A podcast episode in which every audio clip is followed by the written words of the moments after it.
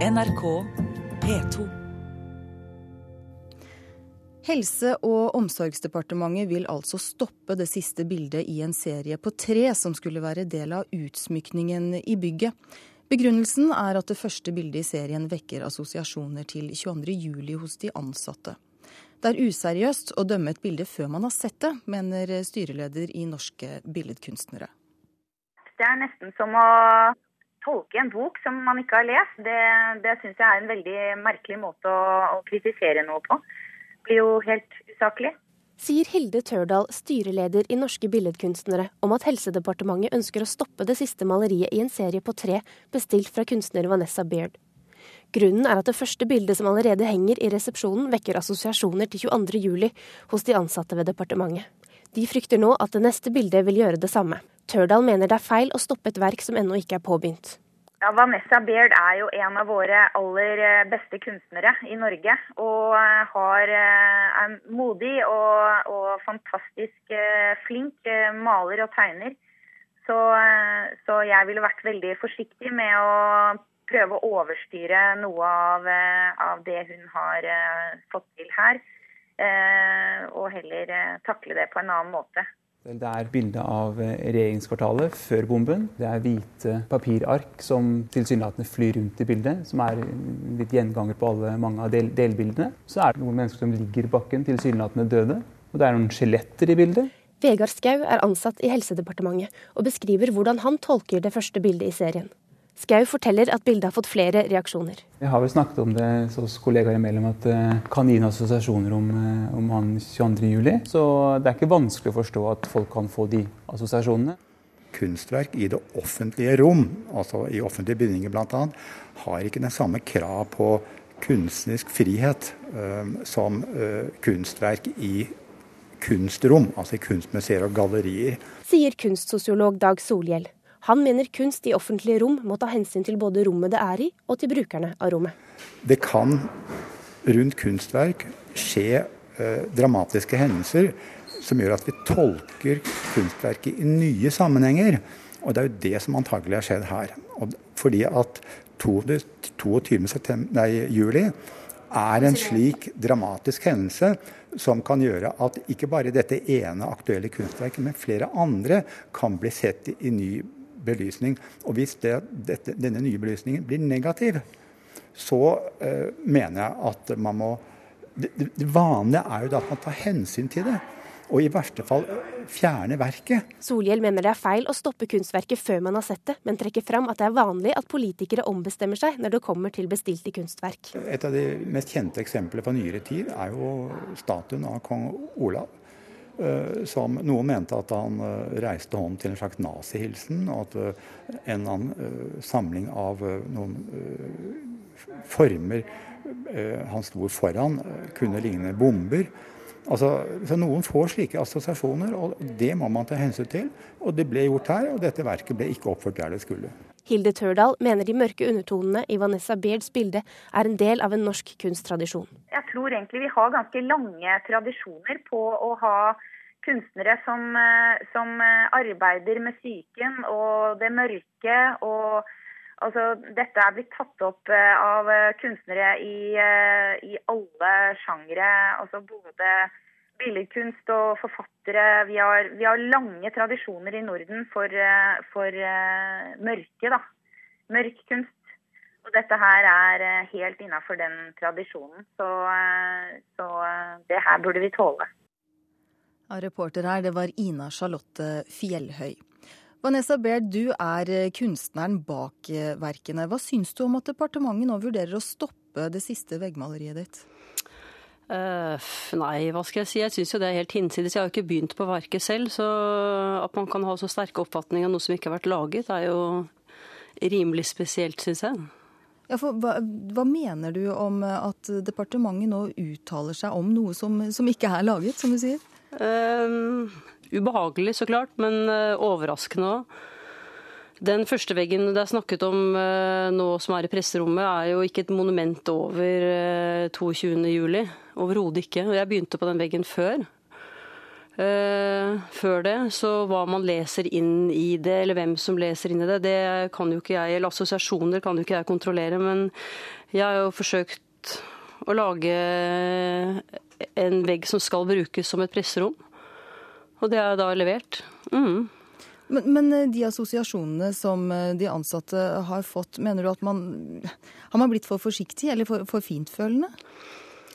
Det er ikke for fintfølende. Jeg tenker at altså, assosiasjoner er jo Altså, Assosiasjoner kommer jo, det ligger jo i eh, hukommelsen. Altså det, det, hva andre måtte lese inn i det, det er jo utenfor min mitt, jeg kan, kan, kontrollere hva man bruker det til, men uh, som sagt, det er jo ikke 22.07 at man blander dette opp i det, er jo Ja. Vi eh, vil gjerne snakke med noen representanter fra Helse- og omsorgsdepartementet her på sendinga i dag. De hadde dessverre ikke mulighet til å stille, men fungerende departementsråd Geir Stene Larsen han eh, svarte dette da vi spurte ham tidligere i dag om hvorfor de vurderer å stoppe utformingen av det tredje veggmaleriet ditt.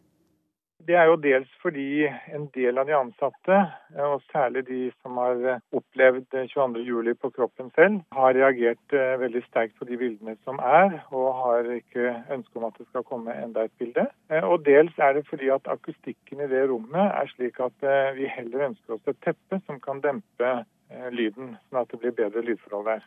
Men hva er det som veier tyngst? Er det akustikken eller reaksjonene som har kommet? Det er vanskelig å vekte de Jeg tror det er omtrent like mye begge deler. Begge forhold er viktige for oss. Men hvorfor stoppe et verk som, som ingen har sett? Det er jo ikke lagd ennå? Nei, men som sagt så er jo dette en kombinasjon av at uh, lydmessig så fungerer det dårlig å ha en svær betongveggflate. Uh, og uh, at vi er engstelige for at vi kan få like sterke reaksjoner på det bildet som måtte komme. Og det er jo slik at Når man får et bilde på en arbeidsplass, så har man ikke noe valg selv om man vil forholde seg til denne kunsten eller ikke. En viktig oppgave for kunsten er jo å provosere. Så det i seg selv er ikke noe argument for ikke å ha et bilde, men her er det mennesker som har med seg en helt spesiell følelsesmessig ballast, som vi syns det har vært riktig å, å, ta hensyn til. Men hvilke reaksjoner er det bildene har uh, skapt? Det er vel at uh, de som har opplevd bombekaoset, opplever noe av det samme. Assosiasjonene blir så sterke at de føler dette veldig ubehagelig.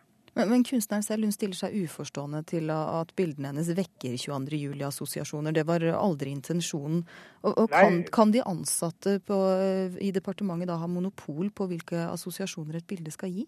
Det er ingen som har monopol på det, og det er jo slik med alle kunstverk at det er ens egne følelser som vil avgjøre hva man legger i bildet. Og det jo, har, vi har jo ingen uh, tro på at kunstnerne har hatt noen uh, ambisjoner om å skape slike følelser. Men jeg må bare konstatere at uh, enkelte av våre ansatte får disse følelsene. Det sammen med disse lydtekniske forholdene gjør at vi har valgt å, å, å spørre Koro om det er mulig å finne en annen løsning. Hva med kunstnerens uh, reaksjoner? Forstår du at hun stiller seg spørrende til reaksjonene som har kommet fra, fra deres side?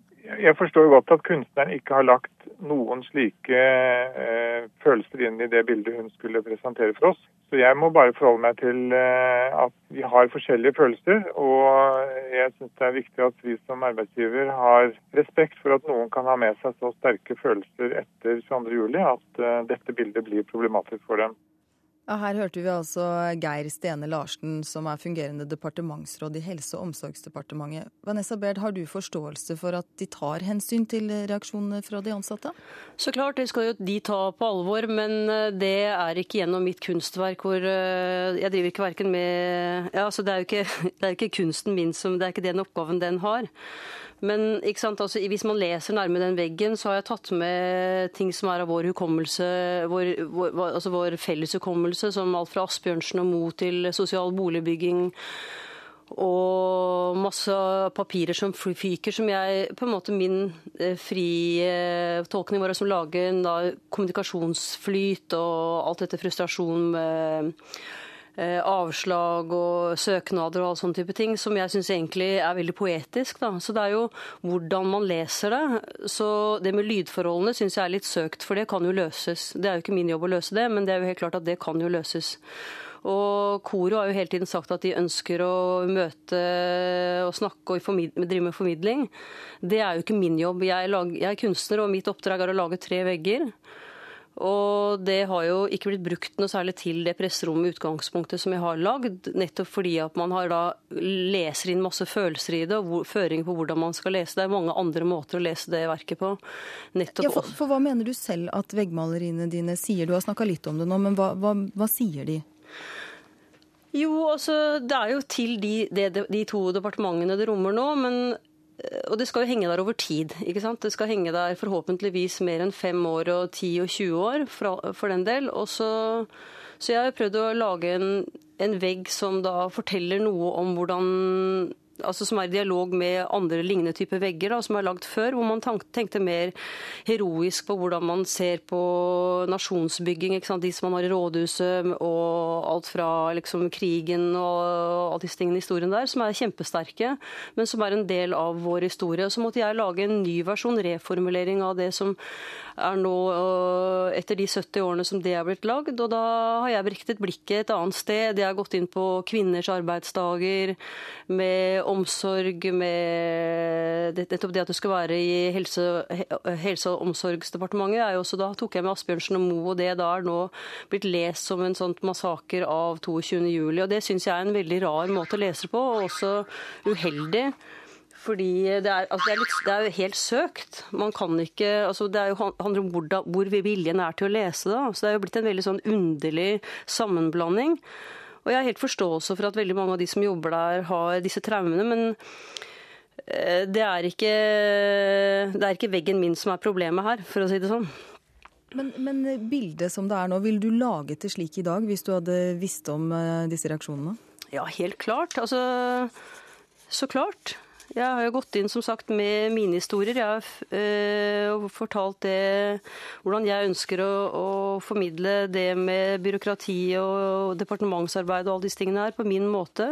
Man trenger ikke å like det, men altså man trenger ikke å like det man ser, men kanskje det at det vekker assosiasjoner i seg selv er jo så bra altså Da er jeg i og for seg litt i mål og hvis det vekker så mye forskjellige typer reaksjoner. Men hvis man kan klare å prøve å lese, løfte blikket litt og lese det litt altså lese det eh, ikke inn i to, altså låse det inn i 22. juli, da. For det er det jo Ja. Det blir jo veldig sånn stenger altså, det er, det, er ikke, det er ikke det det er. Men altså ganske ulike eh, oppfatninger. Noen reagerer sterkt på dette her. Du hadde en helt eh, annen idé bak det. Men tusen takk skal du ha, Vanessa Baird, kunstneren bak verkene som det nå er diskusjon om i Helse- og omsorgsdepartementet.